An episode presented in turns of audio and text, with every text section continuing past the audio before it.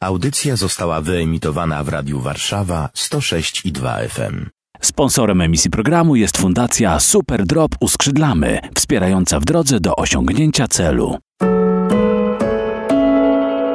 Wywiad z człowiekiem.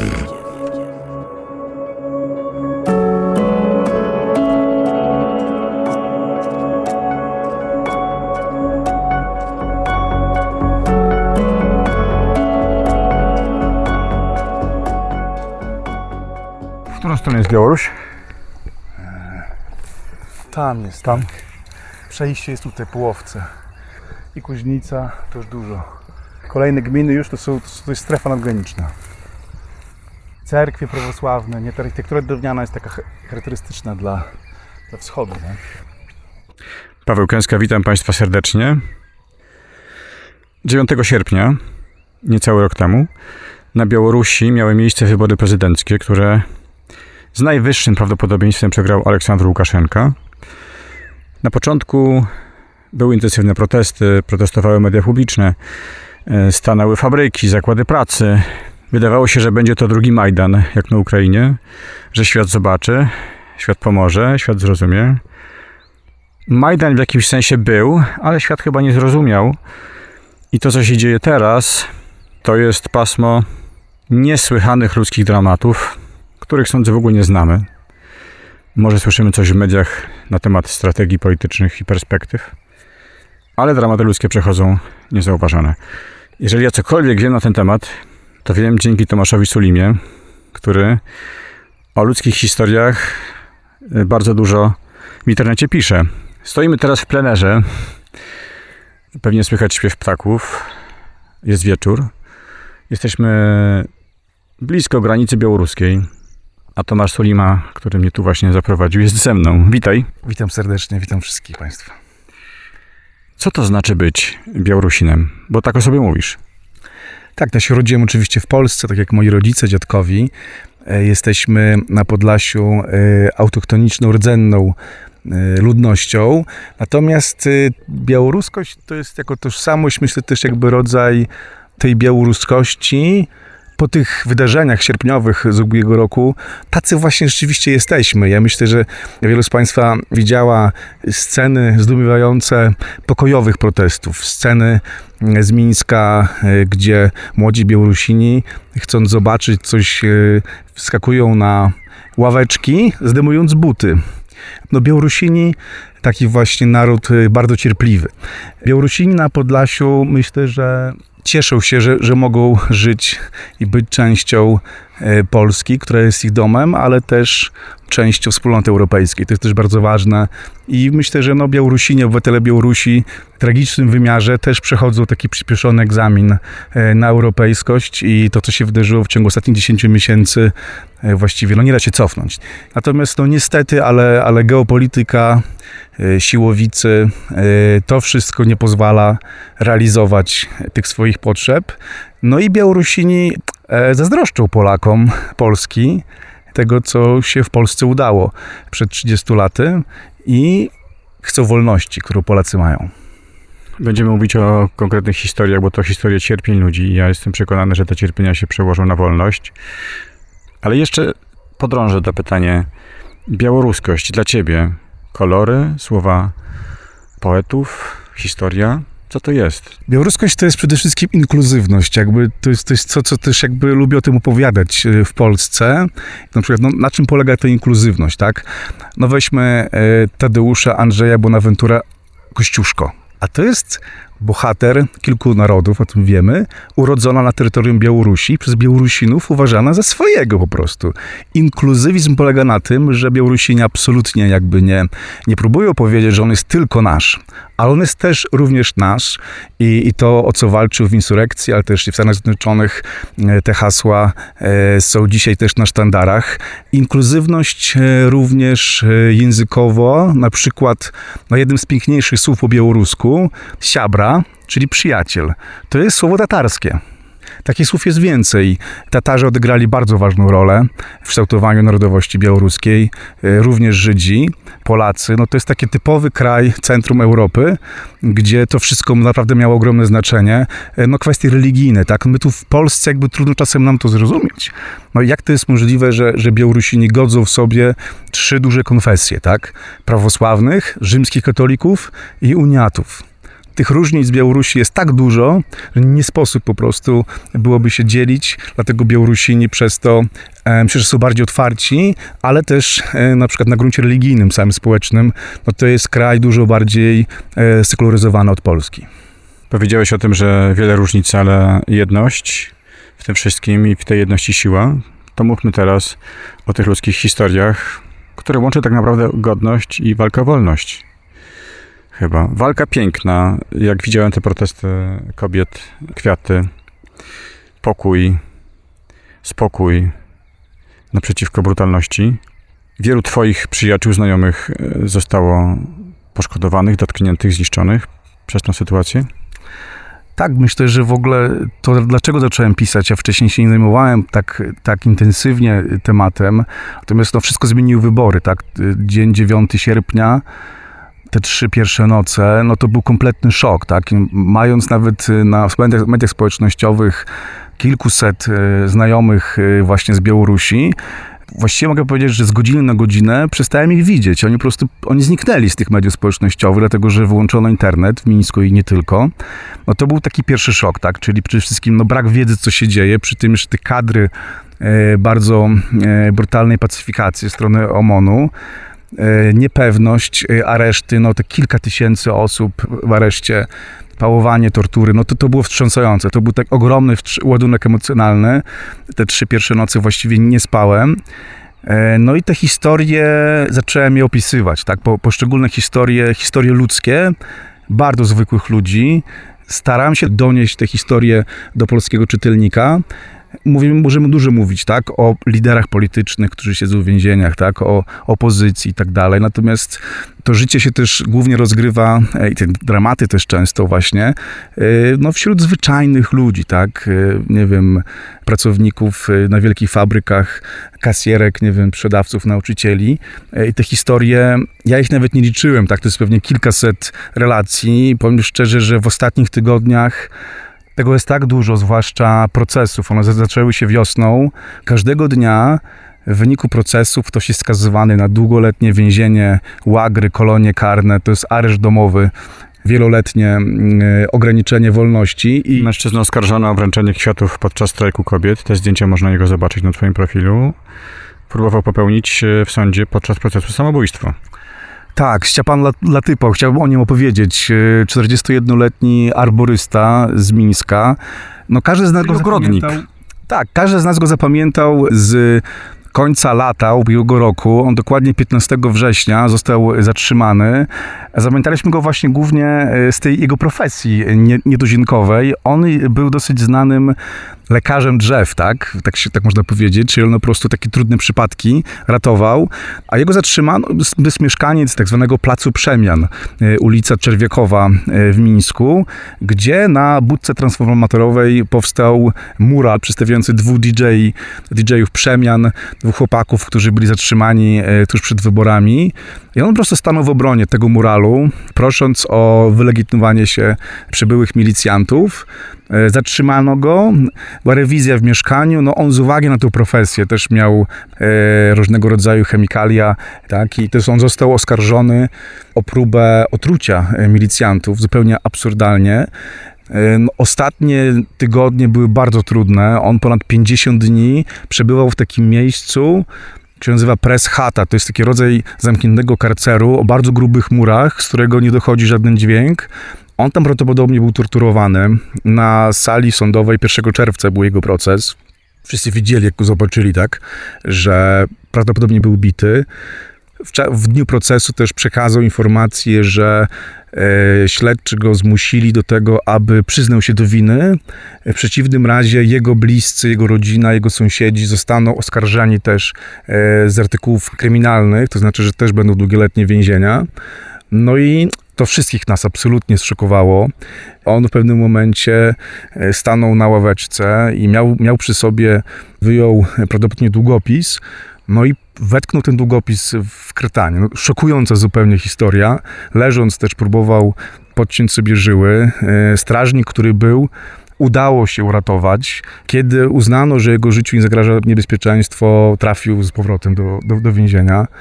I właściwie tyle wiemy, tak? To, to jest najbardziej też jakby y, dramatyczne w tym wszystkim, że, że my nie wiemy, do dzisiaj minęło już e, ponad tydzień, y, co dalej. No prawdopodobnie będzie znowu proces. Tuż po tej próbie samobójczej też pojawiły się y, materiały z sierpnia i też to było mega wzruszające. Szczepan Latypał 12 sierpnia na rynku komarowskim w Mińsku przyszedł z wielkim takim naręczem kwiatów do kobiet y, w bieli, które wówczas y, tam protestowały w sposób pokojowy przeciwko brutalizacji na ulicach Mińska taki porządny gość, tak? I to jest najbardziej wstrząsające, że, że człowiek, którego po prostu nie udało się złamać, który się nie dał złamać, płaci bardzo wysoką e, cenę. E, w korespondencji też e, pisał o tym, że jest celowo też wsadzany do celi, czy, czy w karcerze do współwięźniów z problemami, z zaburzeniami psychicznymi, tak? Jest też jakby, no, odczuwa niesamowitą presję psychiczną i też, no, przez współwięźniów, którzy współpracują z administracją. To jakby te opisy, które się czyta, zupełnie przypominają okres, nie wiem, wojny, gestapo i są, no, czy też y, komunistycznego terroru stalinowskiego, y, no, niedaleko, tak, od Polski.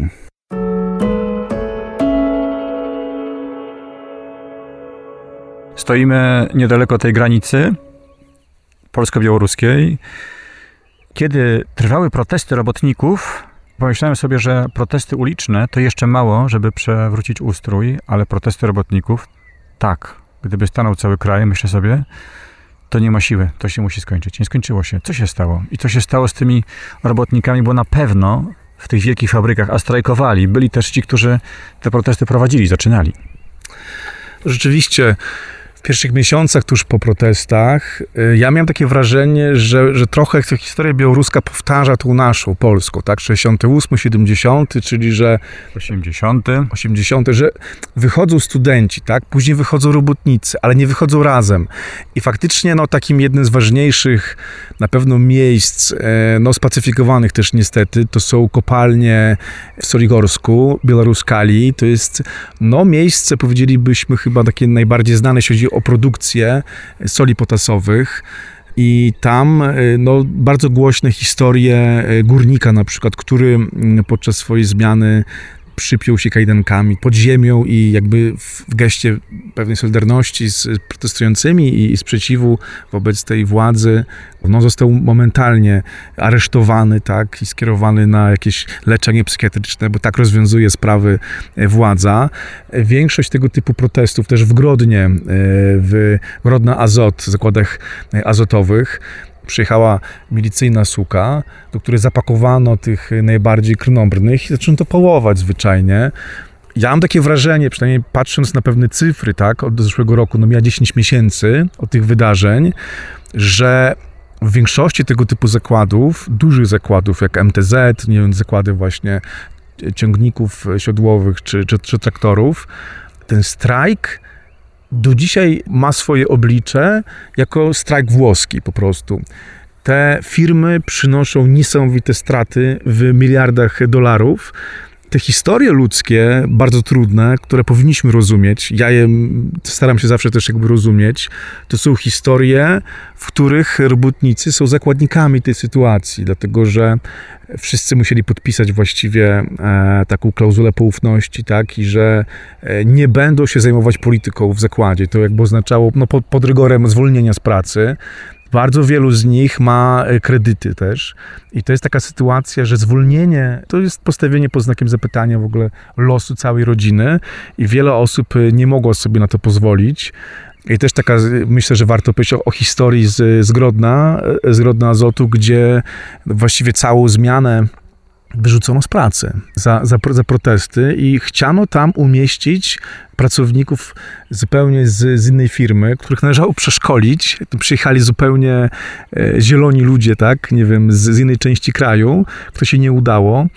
jest bardzo dużo prawdy w tym, że jeżeli y, mówimy o tym, że, że jeżeli fabryki staną, no to Łukaszenka przegra, tak? Tylko, że te fabryki po prostu nie stają.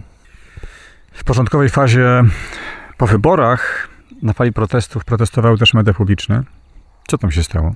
Tak, no to było bardzo y, właściwie w dniach następnych po protestach ulicznych. Też dosyć zdumiewające sceny sprzed budynku Państwowej Telewizji ze środka. Byli pracownicy, którzy po prostu odeszli z dnia na dzień, bo nie chcieli w tym brać udziału. W środku y, widziano y, umundurowanych y, funkcjonariuszy OMON-u. No i faktycznie były takie historie, kuriozalne zupełnie, na które reżim nie był gotowy.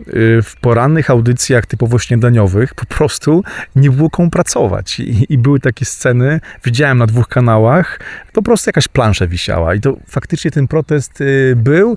Bardzo szybko reżim sobie też poradził z tymi dziennikarzami, po prostu sprowadził dziennikarzy z Rosji, Russia Today, różnych innych, e, podwyższył też im garze i dzisiaj ta propaganda, jeżeli przed wyborami jeszcze no, była dosyć mocno gruntowana, to dzisiaj właściwie to jest no, taki czysty atak e, w opozycję i we wszystkich przeciwników e, reżimu Łukaszenki. Przed wyborami właściwie media publiczne przynajmniej w dużych ośrodkach, to wiem na pewno, faktycznie w ogóle nie, nie funkcjonowały. Jakby w takim nawet towarzystwie nie tylko ludzi młodych, ale zwyczajnie oglądanie telewizji publicznej uważane było za taki pewien obciach po prostu, no bo już ileż można słuchać o zasiewach żyta, tak? Jakby no chcemy żyć po europejsku. Teraz mówię o mieszkańcach dużych miast, Mińsk, Homel, Grodno czy Brześć. I to jest jakby też ciekawe, że Białorusini w dosyć dobry sposób sobie poradzili informacyjnie, komunikacyjnie, tworząc drugi obieg. On jest bardzo silny, dużo silniejszy niż w Polsce i te informacje z tego drugiego obiegu, one docierają na przykład y, za pośrednictwem aplikacji Telegram, a w, w momencie tym szczytowym dla protestów, no już znany w Polsce, myślę, kanał Niechta, Y, miał ponad 2 miliony y, użytkowników, subskrybentów y, z Białorusi, no z 10 milionowej Białorusi, tak, czyli co piąty Białorusin był tam podpisany. Dziennikarze w państwie, które kontroluje prawdę w sposób maksymalny, są po prostu niebezpieczni. Jaki był los tych dziennikarzy? Jaki jest los dziennikarzy? No, chyba w ostatnich tygodniach najgłośniejszym dziennikarzem, o którym się najwięcej mówi, jest Roman Protasiewicz.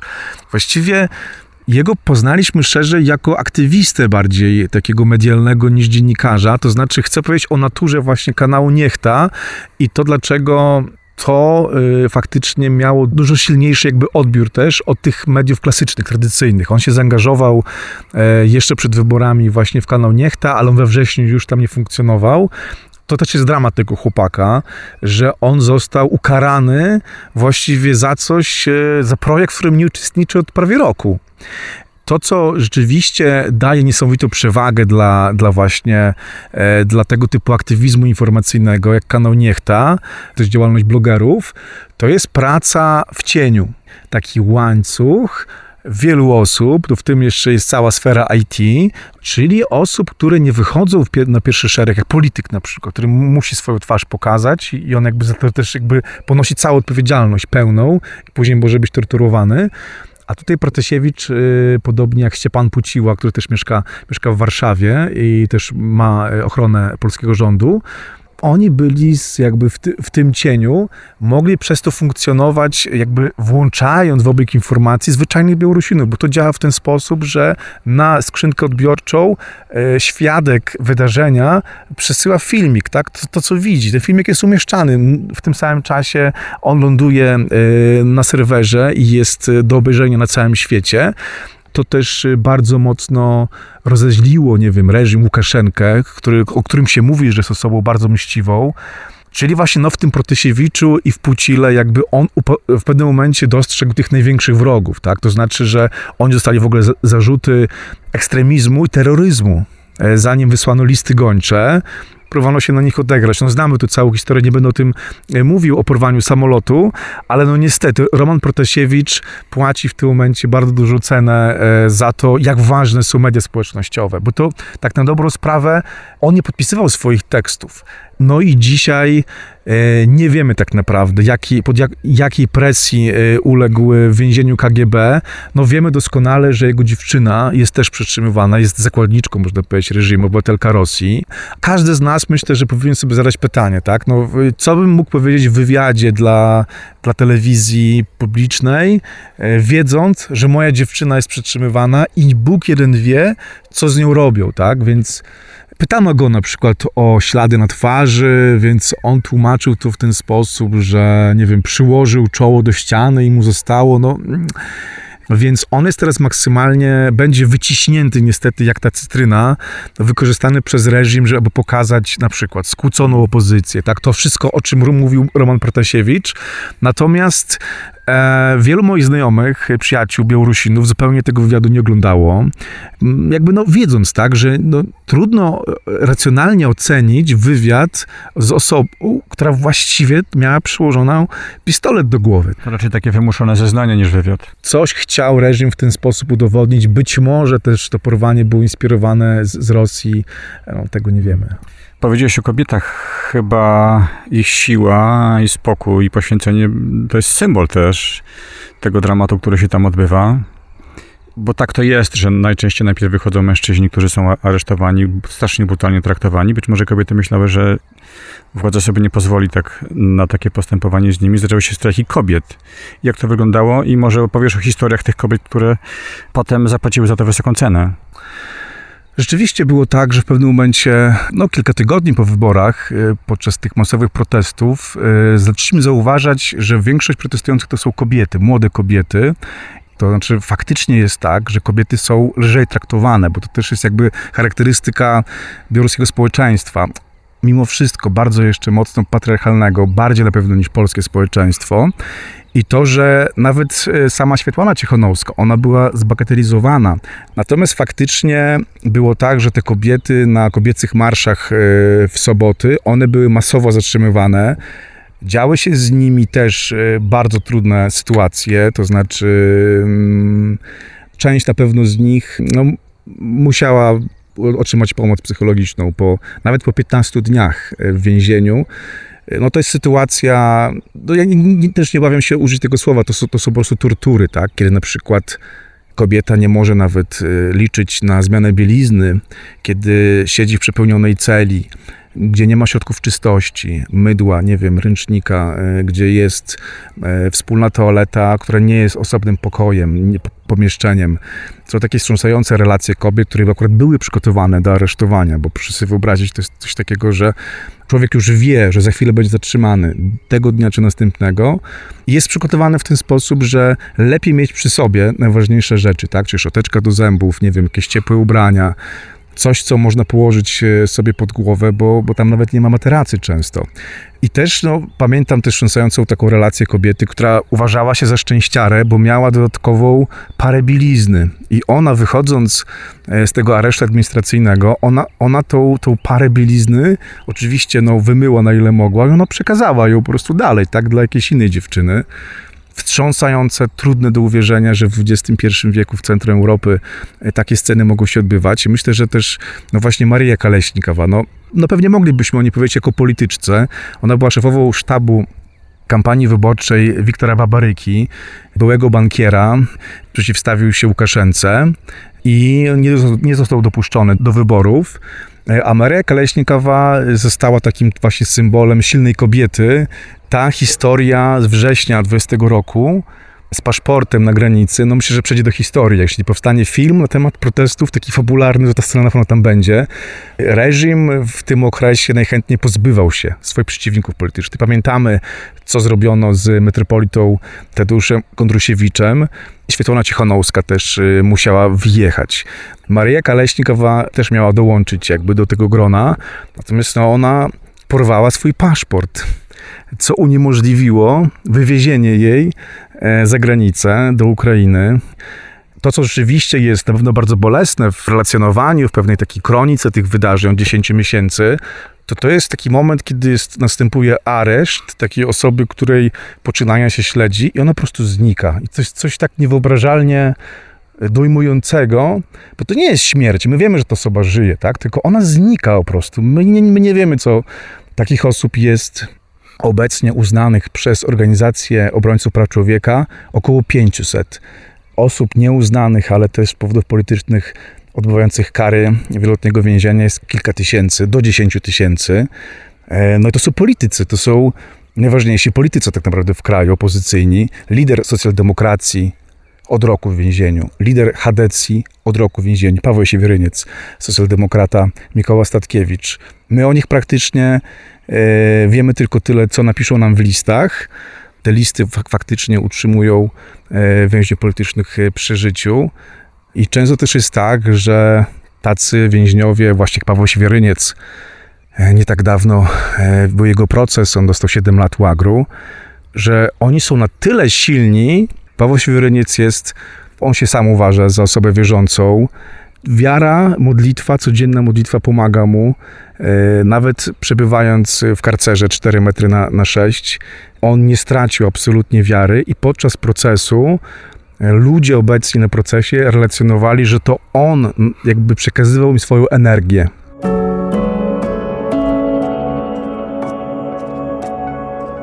Mówmy o tych historiach, o konkretnych historiach.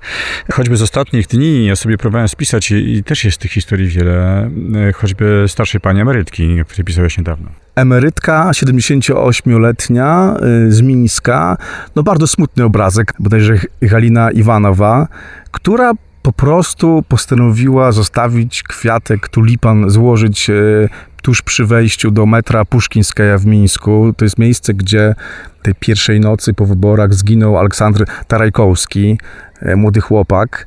Postawiono w tym miejscu kontener na śmieci.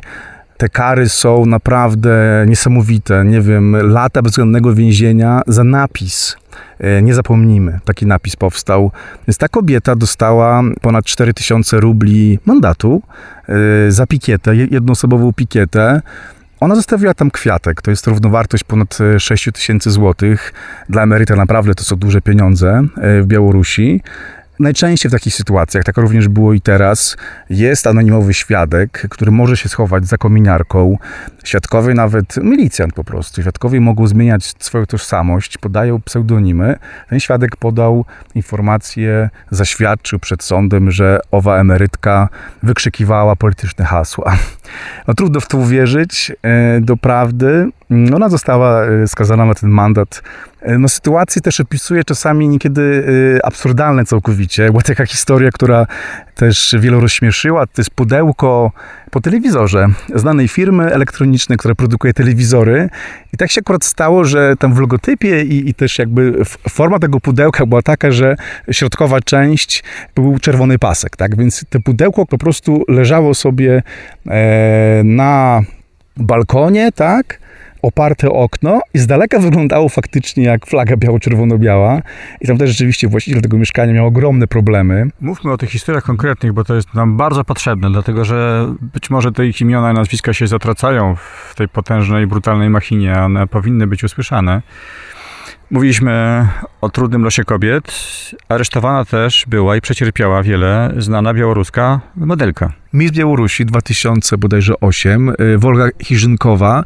I tu warto myślę też y, o tym opowiedzieć, trochę uchylić tej, tej kurtyny dosyć mrocznej wydaje mi się, czyli Narodowy Dom Piękności. No coś, co to jest zupełnie pod auspicjami reżimu Łukaszenki stworzono takie miejsce, gdzie młode kobiety mogły pracować jako modelki. Czy ja nie chcę powtarzać niesprawdzonych informacji, ale że też one były po prostu, towarzyszyły bardzo często w delegacjach i też awansowały, później zostawały polityczkami. Wolga Hirzynkowa była szefową tego domu w, w, przez jakiś tam czas, natomiast no, w pewnym momencie po prostu poszła na protest. Młoda, piękna dziewczyna. E, ona jeszcze przed protestem wzięła udział w reklamie dosyć znanej marki Pończoch. I proszę sobie wyobrazić, że te pończochy po prostu w sklepach przestaną eksponować. Ono po prostu, nie wiem, naklejano cenę na nią, tak, żeby po prostu ją schować. Ona siedziała bardzo długo, przedłużano jej ten pobyt w areszcie administracyjnym. W areszcie Wolga Hirzynkowa e, siedziała na przykład z prostytutkami, siedziała z bezdomnymi kobietami. Wszy, tak? E, upokorzono ją. Upokorzono, zwyczajnie upokorzono, dlatego że Łukaszenka jest też, jakby mówi się tak o nim, że jest osobą bardzo myśliwą. Ona miała być właśnie liderką y, tego Domu Piękności i też dalej awansować być może politycznie. I nie poszła na przykład w ślady y, Maryi Wasiliewnej, to jest Miss Białorusi 2018. Miss Białorusi, który dzisiaj jest parlamentarzystką. Dwudziestoparoletnia dziewczyna, e, znana skądinąd swego czasu, były takie z fotografii w tańcu z, z Aleksandrem Łukaszenką, więc ten Dom Piękności faktycznie, to też było jedno z dzieci Aleksandra Łukaszenki, jakby tego reżimu. Kobiety wiedzą, że tylko i wyłącznie przez to koncesjonowanie rynku modelingu w Białorusi e, jakakolwiek młoda dziewczyna ma szansę w ogóle gdziekolwiek zajść. Co ciekawe, po tej całej historii z Wolką Chirzynkową, tegoroczna edycja Miss Białorusi okazało się kompletną klapą, bo na te castingi nikt nie przychodził. A jaki jest jej los? Ona wyszła z więzienia? Ona wyszła z więzienia, funkcjonuje, odeszła z, z tego światła reflektorów yy, i trzeba to uszanować. Mówiliśmy o kobietach i jeszcze powiedzmy o tym, że przecież to życie białoruskie też jest rozbite. No ktoś stoi po stronie władzy i to nie są tylko brutalni e, wykonawcy wyroków. Tak, ja myślę, że też y, warto przypomnieć też głośną historię z lutego dwóch dziennikarek Bielsatu, Kacieryny Andrejewej i Darii Czulcowej, dwudziestokilkolatek, y, które bardzo odważnie prowadziły stream z Placu Przemian. One miały okazję ucieczki, wiedziały, że zostaną pojmane przypisano im zupełnie absurdalne zarzuty wstrzymania komunikacji miejskiej. To się skończyło oczywiście wyrokiem wieloletniego łagru. No i teraz jakby ten moment najbardziej szykujący chyba w tej całej historii, bo na sali rozpraw zarówno sędzia, jak i prokuratorka to były właściwie jej rówieśniczki, dwudziestokilkuletnie młode dziewczyny i wiele osób mnie pytało, jaka jest ta ścieżka kariery w Białorusi. No wiemy, że szybciej y, człowiek y, otrzymuje to wykształcenie w Białorusi niż w Polsce, ale 23-24 lata, jak Alina Kasjańczyk, prokuratorka, no tutaj jakby nasuwają się wątpliwości i, i pytania o naturę tych awansów. Takie są też opinie wielu Białorusinów i takie dosyć powierzchowne tak oceny, że o zobaczcie, być może na przykład już powstały na ich temat kompromitujące materiały. To też jest jakby taka najbardziej, chyba jedna z najbardziej nieludzkich też jakby tych odcieni reżimu, to jest to właśnie, że aby awansować, pnąć się w tej hierarchii, każdy musi posiadać kompromitujące, obciążające jakieś zarzuty, jakieś natury obyczajowe, jakieś takie skandale. W ten sposób oni są kontrolowani właściwie na każdym aspekcie funkcjonowania. Nie wiem, jak jest w przypadku tych młodych dziewczyn, e, sędzi oraz prokuratorki, ale no wiem jedno, tak są bezwzględne i wydaje się, że w normalnym życiu wszystkie cztery, tak, y, Andrejewa, Czulcowa i te dwie, sędzia i prokuratorka, one się powinny po prostu spotkać na kawie, w kawiarni. To się robi w tym czasie, tak? Studia tuż po studiach, natomiast no, dwie młode dziewczyny skazały dwie inne młode dziewczyny na, y, na karę y, dwóch lat łagru. No to jest szokujące oczywiście i to jest też część, niestety, część tych wydarzeń. Powiedziałeś o łagrze, to jest coś, co polskiej wyobraźni kojarzy się wyłącznie z II wojną światową, chyba już jeszcze były obozy polityczne za stalinizmu. Co to znaczy łagier na Białorusi? Kolonia karna, no ich jest kilkanaście, są kobiece, na przykład w Homlu jest kobieca kolonia, są bardzo różnego typu, tak? No przeważnie są takie wydzielone na przykład dla przestępców, czy w ogóle wymagających odosobnienia, ale też y, są też kolonie karne, e, gdzie się pracuje zwyczajnie, tak? Że, że po prostu odpracowuje się społecznie e, jakieś tam swoje przewiny. I też znamy historię Białorusinki, obywatelki Szwajcarii, Natalii Hersze. Ona została rzeczywiście skazana e, za zdjęcie maski kominiarki z, z, z, twarzy milicjanta i została rzeczywiście skazana na, na kolonię karną kobiecą i tam po prostu zajmowała się na przykład, zmuszano ją, nie wiem, na przykład do szycia mundurów y, omonowców. To też jest jakby, myślę, że bardzo upokarzające dla nich ląduje w karcerze na, na wiele dni po prostu, bo odmawia po prostu. Ona odmówiła y, szycia tych ubrań.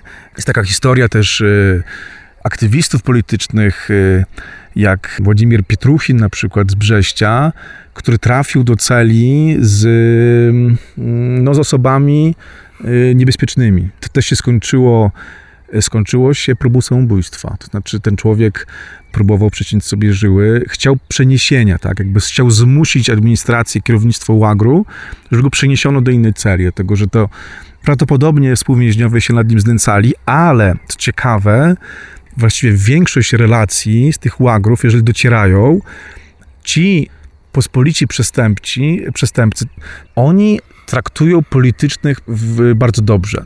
Mam taką nadzieję, natomiast no, to wszystko wiemy gdzieś tam z korespondencji.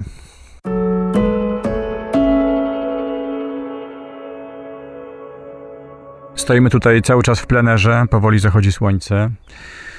No niedaleko Białorusi, kilkanaście kilometrów, jest granica.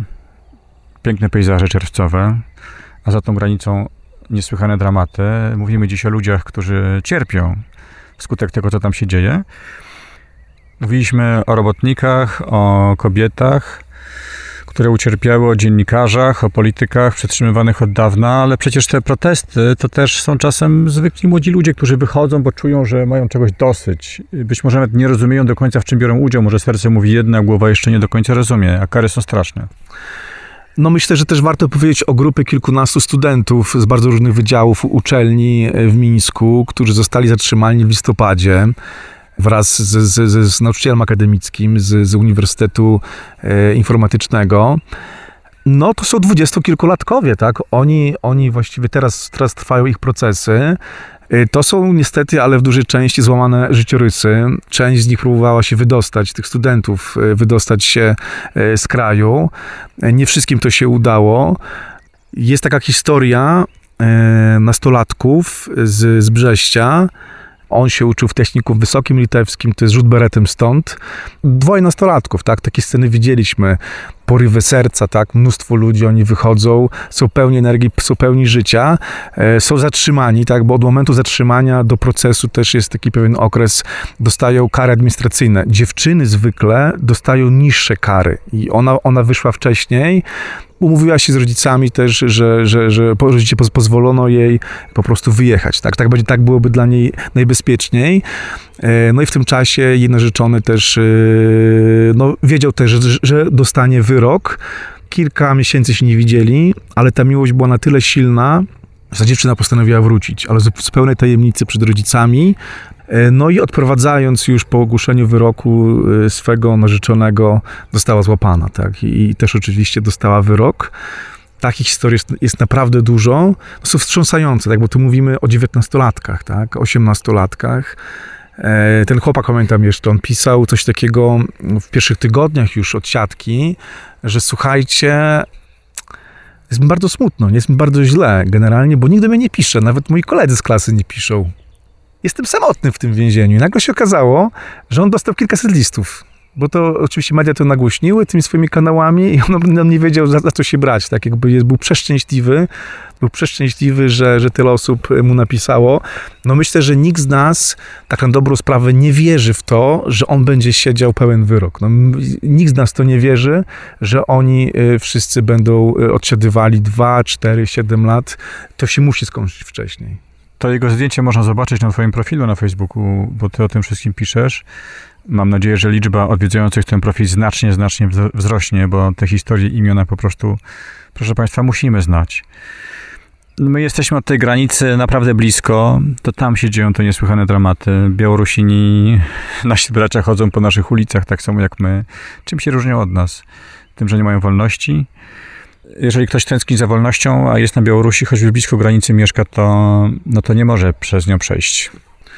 Od grudnia funkcjonuje dekret numer 705, oficjalnie e, taki covidowy, tak, w pandemii, chociaż pandemii niby nie było w Białorusi, ale no, funkcjonuje duże ograniczenie. Kilka obwodów wprowadziło opłaty za wyjazd z kraju. Jakby wyjechać z kraju trzeba zapłacić. Natomiast teraz jakby jest tak, że trzeba podczas przekraczania granicy podać powód wyjazdu, tak? Dlaczego chce wyjechać.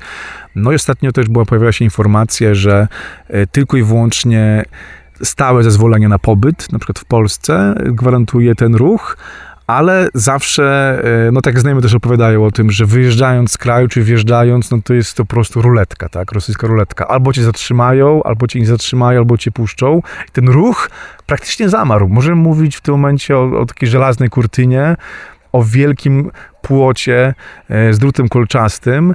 Tu mówimy o sytuacjach moich przyjaciół, którzy ponad rok nie widzieli swoich dzieci, które studiują w Polsce. E, mogę podać przykład e, swojej serdecznej znajomej Świety Buckiej, którą serdecznie pozdrawiam. E, jej córka Dasza mieszka w Krakowie, no studiowała już od wielu lat, jest muzyczką bardzo utalentowaną. Ona przyjechała w odwiedziny do córki i ona teraz nie może wyjechać właściwie z kraju, ale nawet nie chce wyjechać, boi się wyjechać i ona tu zostanie pewnie jakby dłużej, ale też mam takie historie wśród przyjaciół, e, którzy nie widzieli swoich dzieci od ponad roku. No to, to jest naprawdę trudne do uwierzenia, ale ta rozłąka dla wielu rodzin y, no jest dzisiaj właściwie taką codziennością i oni się z tym godzą, że no to jest dzisiaj chyba właściwie jedyne rozsądne rozwiązanie. To jest Wilno, Warszawa, e, Kijów e, czy Lwów po prostu uciec, tak? Trudno wymagać y, od ludzi bohaterstwa, a dzisiaj funkcjonowanie w Białorusi jest rodzajem bohaterstwa. No, mam takie codziennie relacje, nawet, nie wiem, pieniądze, tak? Y, pobrać pieniądze, gotówkę z bankomatu. No, są takie sytuacje, gdzie tej gotówki po prostu już nie ma. Ta gotówka, która jest, jest drukowana na bieżąco, sytuacja ekonomiczna jest naprawdę trudna. 9 sierpnia przed rokiem rozpoczął to niesłychane pasmo dramatów. Mówiłeś o tych emocjach, które wtedy przeżywałeś. Niedługo minie rok. Co ty czujesz, kiedy słyszysz o kolejnych historiach, kiedy widzisz kolejne zdjęcia, imiona, nazwiska, miejsca odosobnień, więzienia, łagry? Ja powiem szczerze, że myślę teraz coraz częściej o pomocy psychologicznej, czyli jakby w jaki sposób ja mógłbym pośredniczyć, w jaki sposób mógłbym pomóc, jeśli chodzi o te ilości, tak, ale ja po prostu widzę niesamowicie dużo złamanych ludzi, tak? Bo, bo, bo ta sytuacja łamie każdego. To jest coś w rodzaju, nawet mi niedawno znajoma psycholożka powiedziała, że, że to jest coś w rodzaju zespołu stresu pourazowego, że to nawet nie trzeba być na wojnie, ale, ale wystarczy, wystarczy po prostu żyć Białorusi. Znajomy dziennikarz, ja też o tym pisałem niedawno, no trochę dla żartu, tak, y, umieścił taki diagram, jak żyje Białorusin. Codziennie, tak, nie wiem, godzina 6 rano, oczekuje na przyjście komitetu śledczego, tak? Czyli będzie zaraz jakieś przeszukanie. Jeżeli nie, o godzinie siódmej piję kawę, palę papierosa i czytam, kogo zatrzymano z moich przyjaciół. Tam godzina dziesiąta yy, idę do więzienia przekazać e, paczkę dla swojego przyjaciela albo dla swojej siostry. Godzina piętnasta zaczynają się procesy idę na procesy, później wracam do domu, z 16 słucham wyroków i czytam, pijąc popołudniową herbatkę, kogo zatrzymano, kogo, przepraszam, jakie wyroki dzisiaj zostały skazane. Od, po godzinie 23 kładę się spać i czekam, aż przyjdzie OMON po mnie, bo mogą mnie aresztować to ciśnienie też jakby psychologiczne, to, to, to, to jest jakby, wiem, że online e, kilkudziesięciu wolontariuszy i też profesjonalnych psychologów e, taką pomoc e, Białorusinom udzielała. Mam na myśli teraz torturowanym na Akreścina.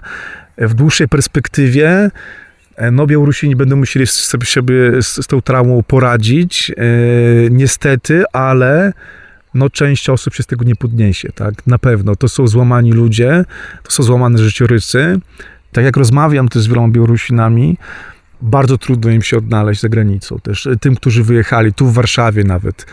Większość mówi, że słuchaj, no nie mogę tak, chcę wrócić, mimo że wiem, co mi grozi. Grozi mi więzienie, ja chciałem tego, też opisując te, te wszystkie historie, yy, chciałem pokazać pewien harz ducha, tak? Bo, bo to, jest, to jest coś niesamowitego zupełnie. No, jeżeli opowiadamy o, prote- o wielotysięcznych protestach, podczas których nie wybijano witryn sklepowych, nie palono żadnych samochodów, wszyscy wiemy, co się działo w Stanach Zjednoczonych, we Francji, aż trudno uwierzyć, prawda, że, że pokojowe protesty nadal mają, mają rację bytu. No ta solidarność, myślę, w Polsce, tak już kończąc, została nam pewnym hasłem, pewnym wspomnieniem w podręcznikach. To, czego się Białorusini też nauczyli w ciągu tych 10 miesięcy, dla mnie to było niesamowite inspirujące, to jest właśnie solidarność nagle powstały fundusze, e, fundacje samopomocy dla rodzin aresztowanych, dla dzieci, e, dla ludzi, którzy szukają pracy. Taka rodzaj samopomocy i ta solidarność białoruska ponad podziałami absolutnie poraziła wszystkich nas. Białorusini niesamowicie się inspirowali się polską Solidarnością lat 80. Zresztą mówiła o tym e, Cichanowska, będąc w Warszawie niedawno. No i taki fajny na przykład przykład, tak już na koniec zupełnie, e, który zupełnie też jakby zdumiał wielu z nas. Organizacja Make Out, organizacja LGBT w Mińsku, która oficjalnie w komunikacie absolutnie poparła e, Kościół katolicki. To był taki gest, e, gest wsparcia wobec właśnie szykan Kościoła katolickiego i wyrzucenia z kraju metropolity Kondrusiewicza. No coś, co właściwie w naszych, w naszych warunkach nie myśli się w głowie. I to były takie małe cuda, które gdzieś tam e, miały miejsce. Po pierwsze, wolność to wolność wewnętrzna. Nawet wolność zewnętrzna przy braku wolności wewnętrznej nic nie znaczy. A wolność wewnętrzna to droga do wolności zewnętrznej. Ja święcie wierzę w to, że to, że to już nie, że to już niedługo i wierzę też w to, że to jak to się mówi, krew męczenników przynosi nowe życie. No ja uważam, że, że to tylko może być, e, to, to się musi udać po prostu. No i tak stoimy tutaj w plenerze wciąż. Słońce już zaszło, na niebie czerwone łuny, a my stoimy skierowani w stronę granicy białoruskiej. No i trwamy w nadziei i włączności. Moim gościem był dziś e, Tomasz Solima. Profil Tomasza, proszę Państwa, śledźcie, bo tam te wszystkie historie ważne się pojawiają. Dziękuję bardzo. Dziękuję.